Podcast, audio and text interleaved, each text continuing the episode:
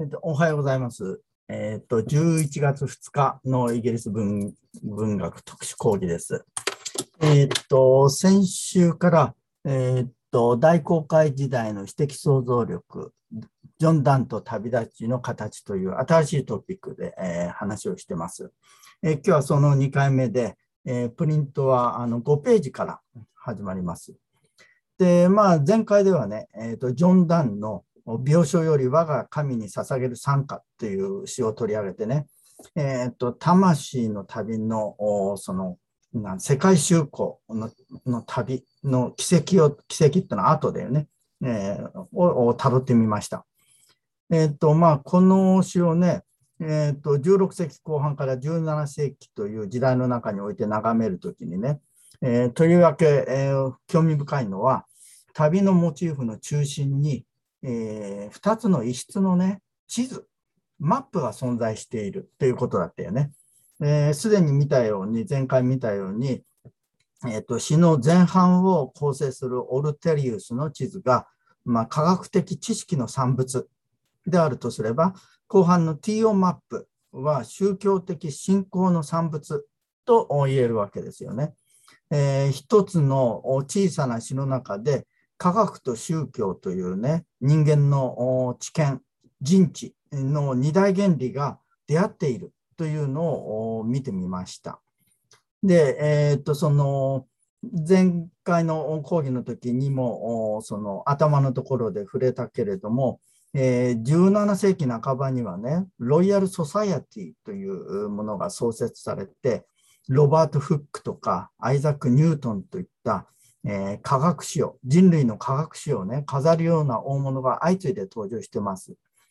えっ、と、16世紀はそういう、うその、えー科学のね、えー大きな変革の時代を用意した、えーとまあ、文化革命の時代だったということもできるわけです。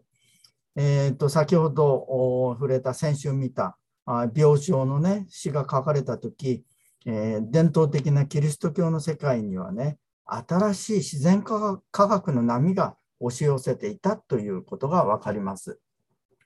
で、まあ、この、えっ、と、今、ロイヤル・ソサエティのところでね、ロバート・フックとかアイザック・ニュートンということ、まあ、ニュートンはみんな知ってるけれども、フックというのは、まあ、あの、高校か中学の理科で習ったことあるんじゃないかと思うけど、物理だよね。フックの法則ってあるじゃないですか。ちょっと横道にそれるけど。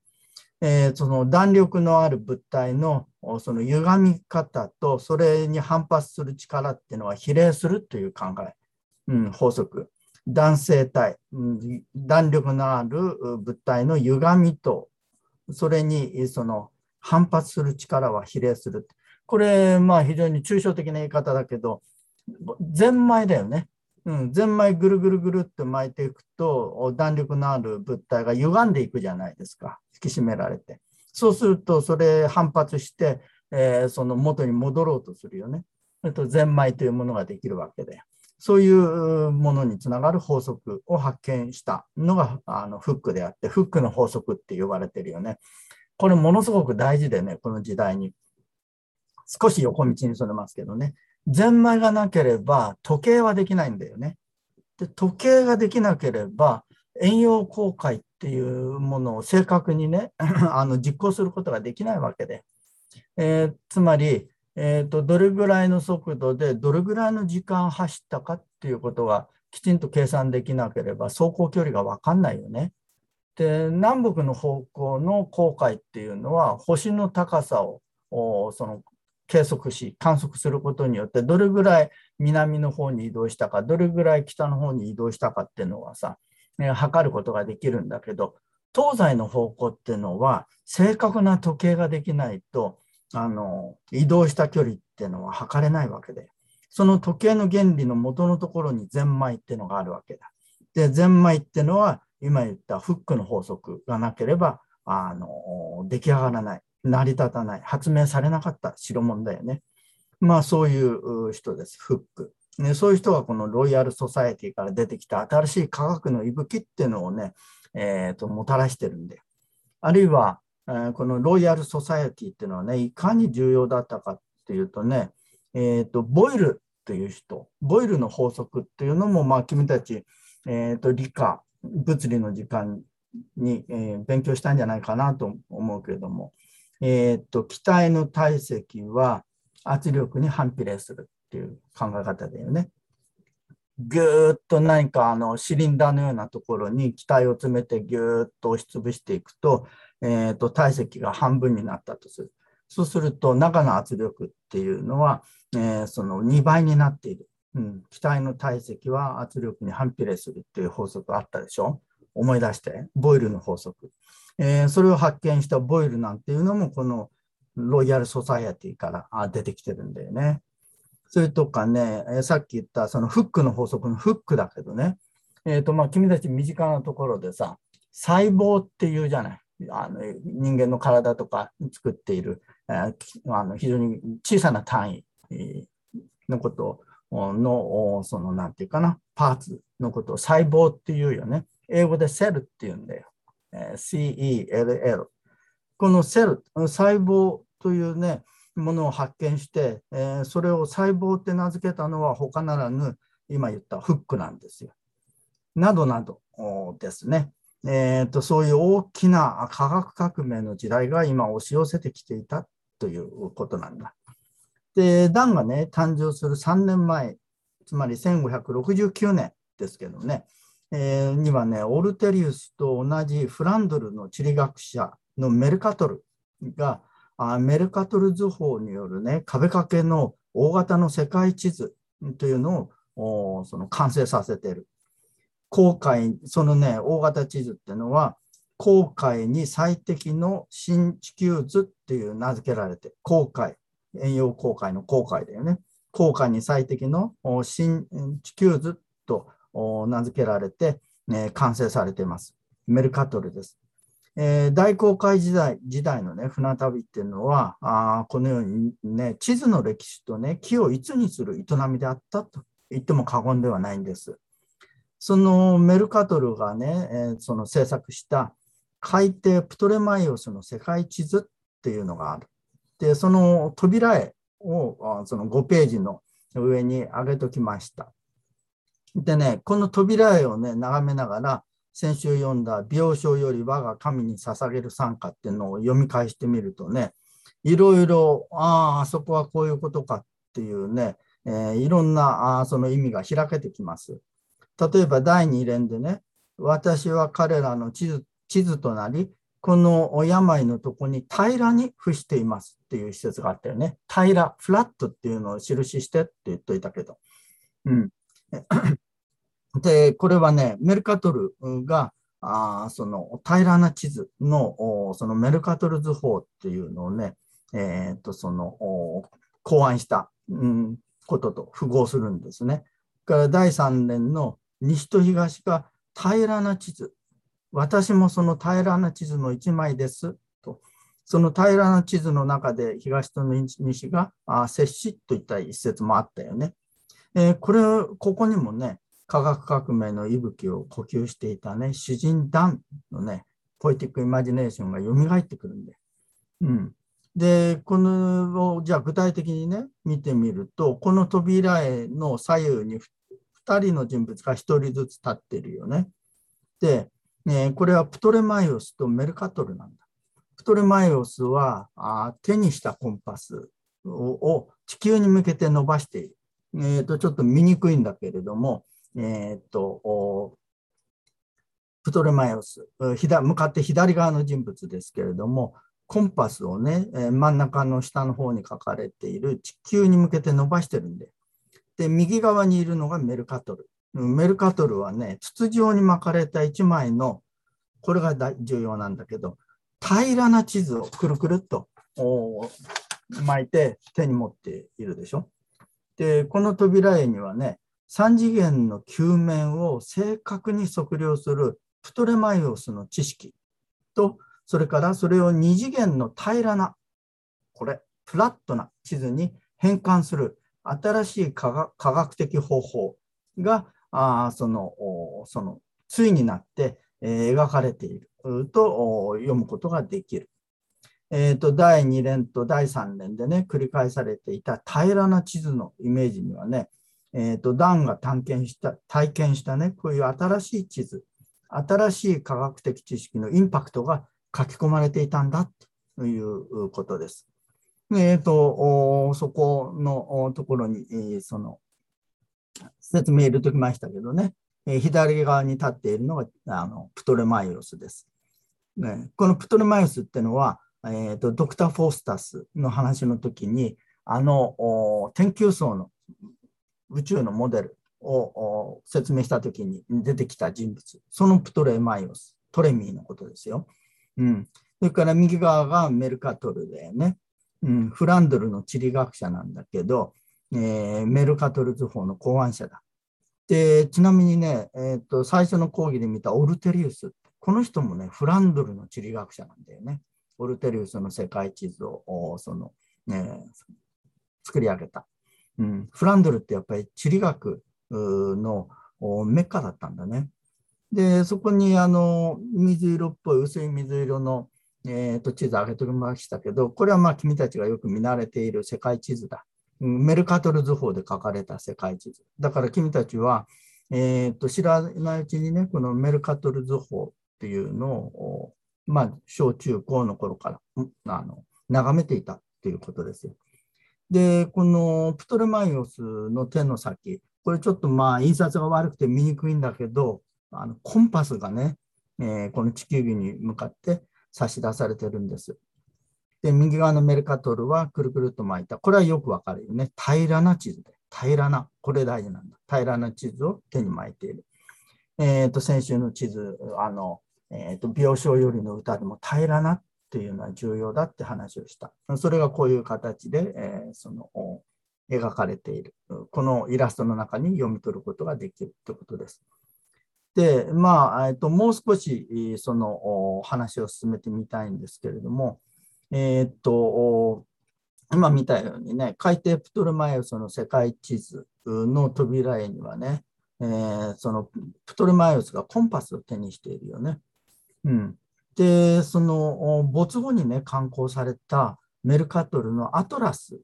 ていうのがあるんだけど、えーと、このアトラスのタイトルページの中央にはね、えーとこれは5ページの下のイラストですけれども、天球儀と地球儀を制作しているアトラスが描かれているんだ。真ん中にいるのがアトラスです。で、まあ、このアトラスっていうのは、えー、っと、リビアのね、伝説の王と言われています。えー、この人物も真ん中の人物ですけどね、右手にコンパスを持ってるんで、コンパスっていうのが非常に重要なんだ。うん。えっ、と、右手にコンパスを持ってね、膝に乗せた球の測量をしてるよね。えー、コンパスっていうのは地図制作を象徴する道具として捉えられているってことがわかる。うん。で、しかもね、このアトラス像のコンパスっていうのはね、まあ、文字通りタイトルページのほぼ中央、ど真ん中に描かれているよね。いかに重要なものとしてコンパスが捉えられていたかって理解されていたかっていうことで。えー、ところで、えー、このね、地図制作の要としてのコンパスはね、えー、っと、我々はね、実は海の旅とは異なるね、もう一つのね、探検旅行へと導く道具でもあるんで、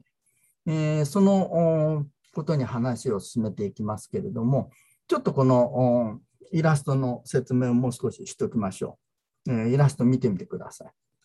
コンパスとアトラスです。地理上の発見は、世界、発見された世界は地図として征服される。地図帳の中に収められて征服されるってことなんだけど、えー、ここにはね、6対の女性像が描かれているよ。一番上、てっぺんでね、えー、と左右に、えー、人物が描かれている。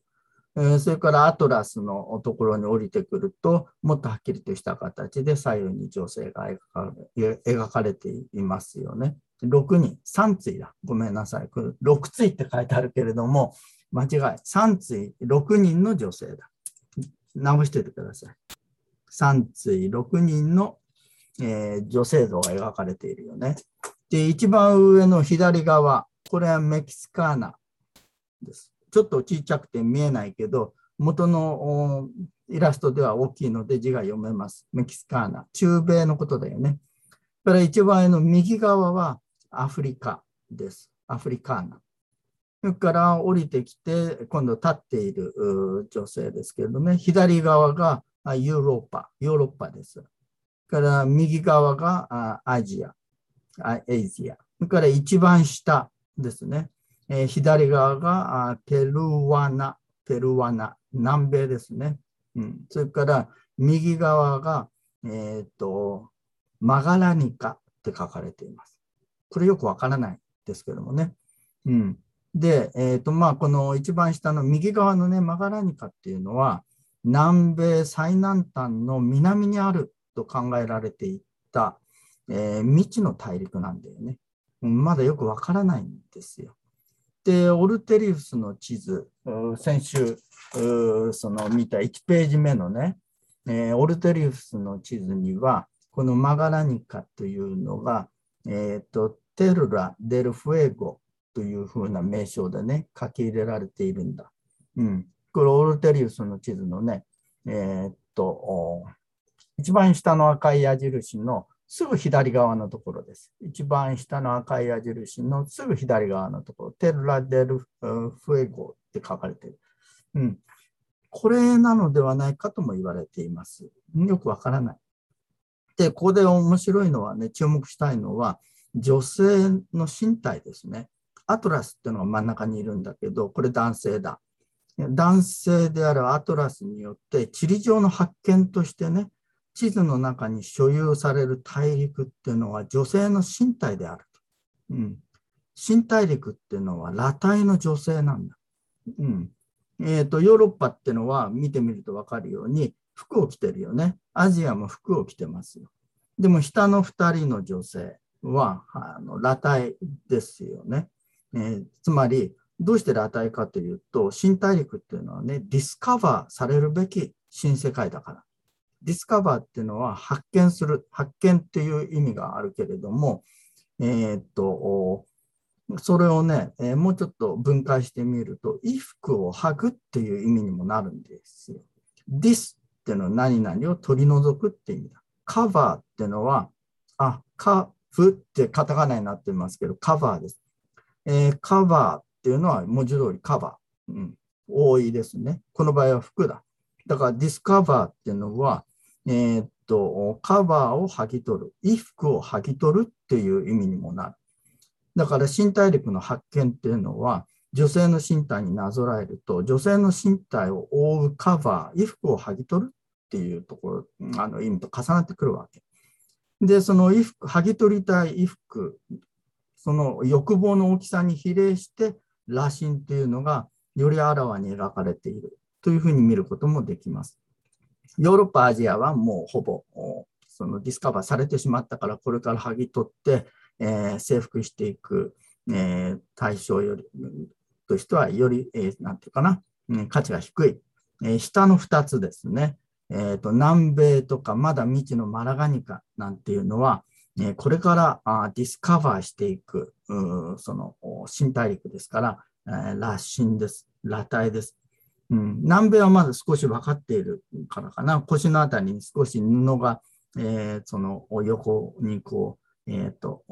覆ってますけれども、マガラニカなんていうのはほぼ完全な裸体で描かれているよね。まあそういうふうに見ていくと、えっ、ー、と、その、なんていうかな、あ新大陸の発見、うん、未知の世界の発見と女性のを征服する男性の欲望っていうのが、えーと、深いところでつながっているってことがわかる。で、これは後の方の話で、えー、またあの立ち返ってきます。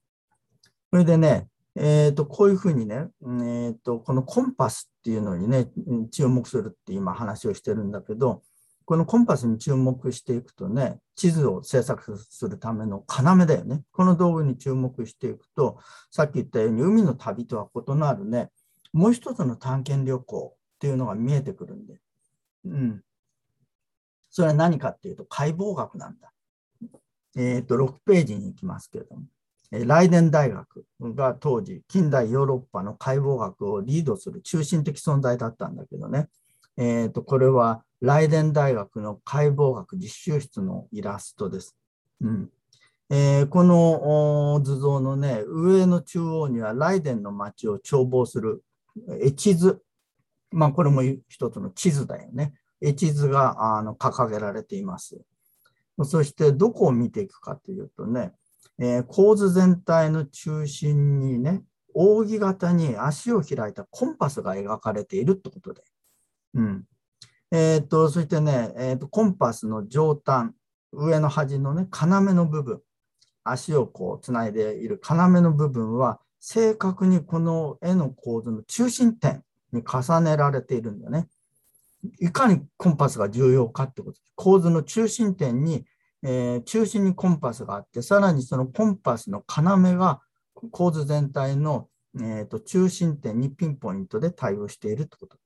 うん。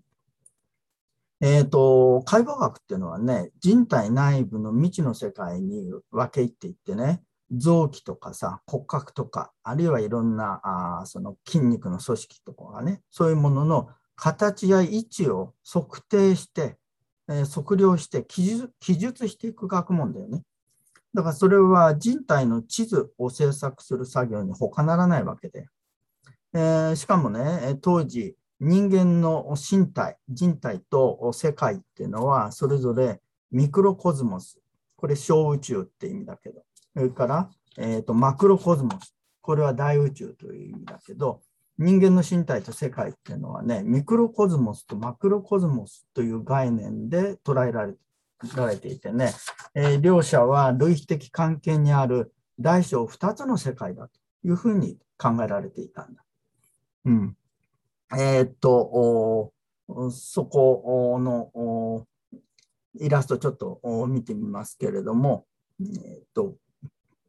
うん、真ん中にコンパスありますよね。それから、えー、っとその下に解剖学者がいます。それからアダムとイブっていうふうにすごい書いてきましたけども、えー、っと、その骸骨が2人立ってますよね。で、なんで右がイブかっていうとね、えっ、と、この右側の骸骨の腕のあたりにちょっと木の葉っぱみたいなのが見えますよね。木の枝と葉っぱみたいなものが見える。これがおそらく、えーと、禁断の好みを食べたあイブを表しているんだと思います。えっ、ー、と、エデンの園にそのあった、え、神から禁じられていたあその実がありますよね、え、それをまずイブが食べちゃうんだよね。そして、えー、そのイブを気の毒に思ったアダムもそれに付き合うことになるわけで、だからおそらくこの2人、右側がイブで左がアダムだと思います。で、その下に書いておいたように、えーと、医学、つまり解剖学なんですけどね、ここでは人体内部の未知の世界に入っていって、えー、臓器の形状とか位置を測量する学問でね。で、つまりそれ人体の地図を作る作る、制作する学問ということで。で、これはミクロコズモス。人体はミクロコズモスと考えられていた小宇宙。えー、小宇宙の地図を作るその学問。それが解剖学だ。それから、じゃあ一方、地理学、地図制作、具体的に言うとね、それはどういうその学問かというと、地上の世界の形や位置を測量して記述する学問だということになる。から世界の地図を作り上げる学問だと。世界世界っていうのはマクロコズモス、大宇宙と考えられていましたから、あだから人体の地図を作る作業は小宇宙を作るの地図を作る作業。えー、っと、世界の地図を作る作業はマクロコズモスの地図を作る作業ということになるわけだ。で、人体と世界っていうのは類比的な関係にあるからね、人体対世界っていうのはミクロコズモス対マクロコズモスというそういう関係に、うん、あります。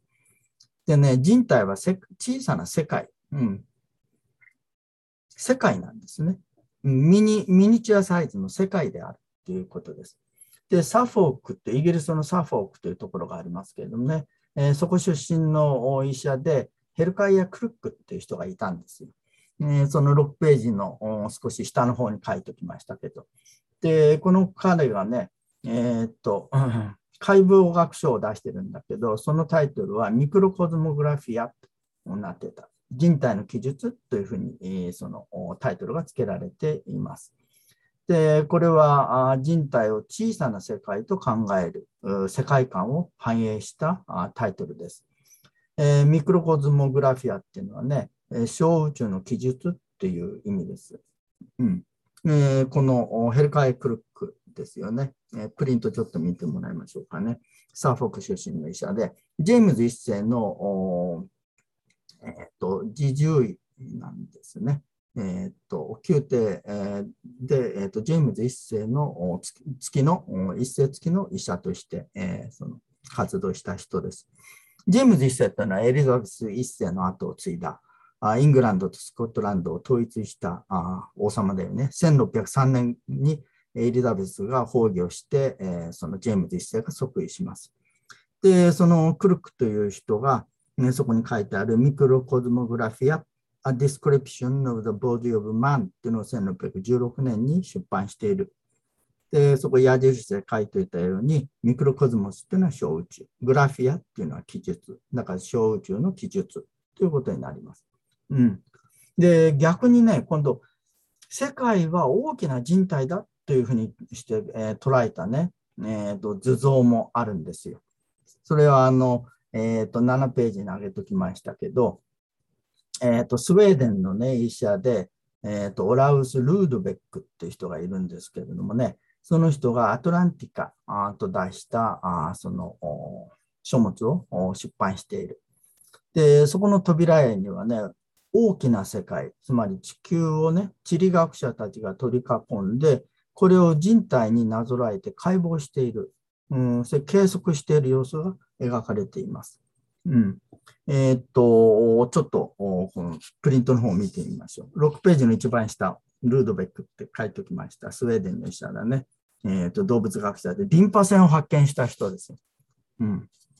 結構我々馴染みのいろんな科学的知見とこの頃出てくるんだよね。で、7ページの上のこの図です。大宇宙である地球を解剖する地理学者たちで、い世界っていうのは大きな人体であるという考え方ですね。うんえ、人体は小さな世界であるというのに対応しているわけだ。で、えーと、真ん中にいるのがルードベックですね。そこに矢印でつけていた。それからね、このルードベックのすぐ右にいるこの人物、これオルテリウスです。先週その見たあの地図の制作者、オルテリウスです。それから我々の馴染みの人物としてはね、右の隅、下の隅に、えいる人物、これプトレマイオスです。うん、なかなかこれ一つ一つ見ていくと面白いんですけどもね。えー、解剖学と地図制作の交流をもたらしもたらした知的探求というふうにそこに、えー、書いてきました。えー、こういうふうにね、解剖学と地図制作のね、交流をもたらした知的探求、その背景にはね、小さな世界、ミクロコズモスと大きな世界、マクロコズモスの知識を所有したいというね、情熱、渇望があったんだね。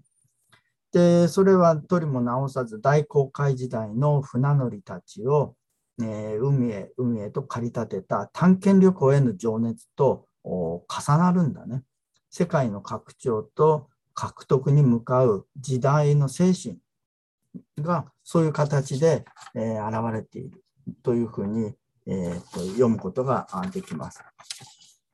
うん、そこにも書いておいた、えー、っと、矢印の下にね、小さな世界と大きな世界の知識を所有したいという活動。これは探検旅行、大航海時代の情熱と重なることなんだ。うん、で、両方の情熱が片方では解剖学というものを発展させていく。片方では地理上の発見というものを発展させていく。地図の制作、世界地図の制作というものを発展させていく。ということになります。世界の拡張と所有でね、知識として所有していく。それから文字通り物として所有していくことにもなるんだよね。大陸を所有、アメリカ大陸、北米大陸なんていうのはヨーロッパが物として所有していくわけだよね。そういう時代精神と、そのこうしているんですね。うん、で、えっ、ー、と、この解剖学のね、成果をその一辺の書物にしたためたのがクルックですけれどもね、先ほど見たミクロコルモグラフィア。人体内部の構造や機能を解き明かさんとしたクルックはね、えーと、その自身のその営みである解剖学、その行為をね、新世界の航海になぞらえて、未完の探検旅行として述べている。うん。で、それをちょっと引いときました。7ページの一番下です。えー、解剖学と新世界への探検旅行と地図。うん、解剖学者はあその地理上の発見、大航海時代のイマジネーションを使いながら自分の学問っていうのを、うん、こういうふうに記あの記述してます。読者の役に立ちたいという一年から、私もまた、私ってクルックですね。ヘルカイア・クルックです。私もまた世界修行の旅をしてきた。うん、解剖学の営みを世界修行の旅になぞらえている。えー、この船旅では多くの新世界を発見することはできなかったかもしれないが、えー、深海の深さを正確に計測し、幾多の大陸の内容に分け入り、海岸線に沿って航海することはできたと思う。また、河口の奥深くまで、えー、進み、そこに住む人々を発見し、彼らの性質や気質、統治形態、食べ物、衣服、仕事などについても明らかにすることができた。点点点と間省略しますけどね。うん、つまり人体の中のいろんな部位のその奥深くまで分けていろんな機能とかそういうものをこう発見していったっていうんだよね。うん、だが私の船旅はまだ終わってはいない。まあ、こういう書き方をしてるんですね。解剖学、うん、と地図の制作、探検旅行、うん、大航海時代っていうのは、そこの方で全部こうつながっている大きなね、精神文化の精神文化史を形成しているということになります。うんえーと、クルックにとってね、解剖学者、医者だよね、医者クルックにとって解剖学っていうのはね、新世界の探検旅行に他ならなかったってことだよ。うんで、ここでね、えー、もう一度先ほどのライデン大学の解剖実習室のイラストに、えー、書いてみたいんだけどね、えーと、先ほどちょっと説明したけど、えーと、もう一度この地図見てみますね。それから8ページも開けながら、あ両方見比べながらあその話聞いてください、えー、さっきの説問もう一回繰り返しますね。図像の中央に描かれたコンパスがあるよね。うん、この足に注目するんだ。うん、扇状に開かれたね、その2つの足を下の方にずっと延長していくと、えー、左右一対の骸骨、うん、にぶつかる、うん。左がアダム、右がイブで。うん、で、またこの2人をつなぐようにね、解剖台の上にはね、解剖用の検体が横たわっている。うん、で、その、それらをね、直線で結ぶと何ができるかというとね、一つの三角形が見えてくるんで。つまりこの実習室の風景にはね、コンパスの要、うん、両足のつないでる要だよね。要を頂点として、解剖用検体を底辺として、それからアダムとイブを底辺の左右の2点として、えー、その形成される三角形が存在するってこと。うん。えー、とこの三角形の中心に解剖学者が描かれているんだよ。うん。で、この解剖学者はね、だから科学の知識、つまりコンパスと宗教の英知、うん、アダムとイブだ、をつなぐ存在だとも言える。うん。科学と宗教が出会う場でもあるわけだね。で、まあ、それをこの8ページにちょっと図式化して、えー、描いておきましたけど、えー、っと赤い丸がコンパスの要だね。うん、これ構図、このイラスト全体の構図の中心ですけどね。えー、そこからこう足が出ていて、それから橙色の下、横線、これ検体ですね。解剖されてる検体。それから三角形の左右の頂点。うん、底辺の2つの頂点ですね。これがアダムとイブだ。それをつないでいくと三角形ができるっていうのをイラスト、まあ、ちょっと面白く描けたイラストかなと思うんだけど、えー、っとそしてその中心に解剖学者をそういう顔で、えー、描いてきました。うん、解剖学者は科学の知識コンパスと宗教の知識アダムとイブをつなぐ存在だ。その三角形の中心に解剖学者がいるからね。科学と宗教が出会う場っていうのがこの解剖学者なんだよね。うん、で、これはね、えーと、オルテリウスの地図と宗教的地図、ティオマップだ、うん、をつなぎ止めて、えー、病床より我が神に捧げる参加を書き上げた詩人、ジョン・ダンの位置でもあるんだね。うん、ジョン・ダンっていうのは解剖学者と同じ文化的位相を体現する存在なのではないかと。そういうふうに、まあ、精神文化史の中で位置づけることができるじゃないかと思います。えー、つまり17世紀精神文化史の中でね、魂の旅立ちを歌う詩人と解剖学者が出会ってるんだよ。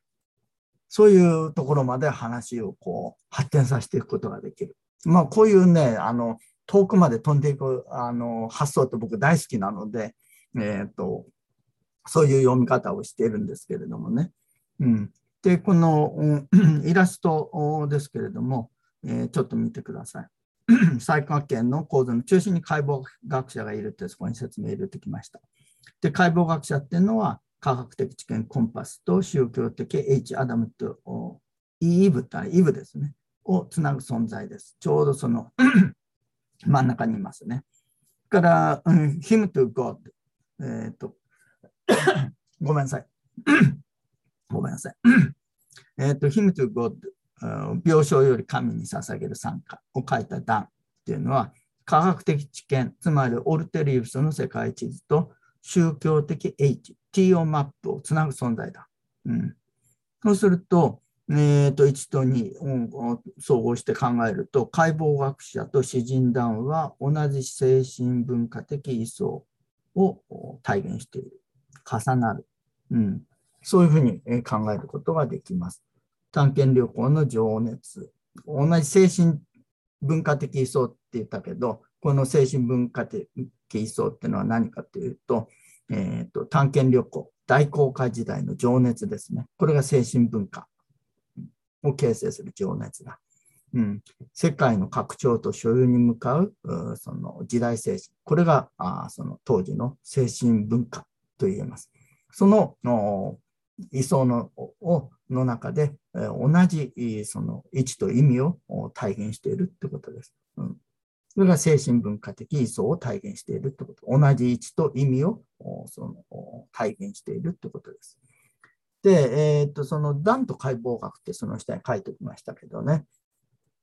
えっ、と、まあ、えっ、と、断と解剖学者が重なるっていうのは非常になんか突飛な発想じゃないかと思うかもしれないけど、詩人と解剖学者のこの出会いっていうのはね、実は、あの、想像するほどね、突飛で、えー、奇抜で、えー、その、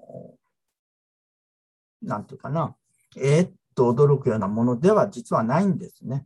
えー、ダンはね、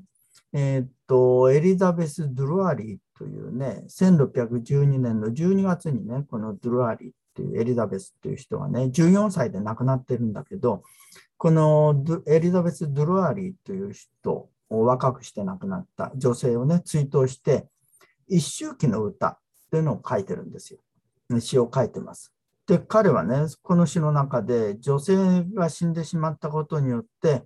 世界はね、全体を統合する中心を失ってしまったってことを嘆いてます。そして、中心を失ってしまった世界はね、えーと新しい時代の新しい知識にさらされてしまっていて、え、ー、と、その、なんていうかな、統一を失って変貌する時代の中に入ってしまっているということを歌ってます。えー、まあ、要するに地の地殻変動が起きている。それをダンは嘆いてるんですね。で、この一周期の歌をにはね、えっ、ー、と、世界の解剖というね、サブタイトル、副題が付けられてるんですよ。うん。それはこの8ページの一番下に、え、書いておきました。うん。一周期の歌、The First Anniversary という1611年ですけどもね、1610年12月に14歳の若さで、え、溶接したエリザベス・ドゥラリエの追悼誌だと。うん。それ今説明した通りです。エリザベスの死によって中心を喪失してしまった世界があると。うん、その世界のありさまを投げてるんだね。で新しい知識が次々とその入ってきて、え世界はそういう知識にさらされて混乱の中にあるということを歌ってます。で、ダンはこの詩にね、アナトミー、解剖という副題つけてるんだ。だから全体はこういうタイトルになってる。一周期の歌、世界の解剖。The First Anniversary, An Anatomy of the World. アナトミーってのはこれ解剖学ってことです。解剖ってことですね。世界の解剖です。うん。で、えー、っと、ダンとね、解剖学っていうのはね、まあこういう形でタイトルにも見られるんだけど、意外とね、あの、他にも、その、同様の解剖学を意識した詩っていうのはあるんですね。その、ダンと解剖学の近接性っていうのはね、えっ、ー、と、毒気というね、毒ガスだよね。えっ、ー、と、題する詩にも書き込まれてます。で、これはまあ来週具体的にね、えー、さらに見ていこうと思いますけれども、えっ、ー、と、全部で3連、3つのスタンザからなるね、えー、毒気、毒ガスというこの詩はね、解剖学的イメージに依拠しながらね、歌われてる詩です。で、さらにこの、ダンと解剖学の出会いっていうのをね、えー、ちょっと来週見ていきたいと思ってます。で、まあ今日はあここまでということで終わりにします。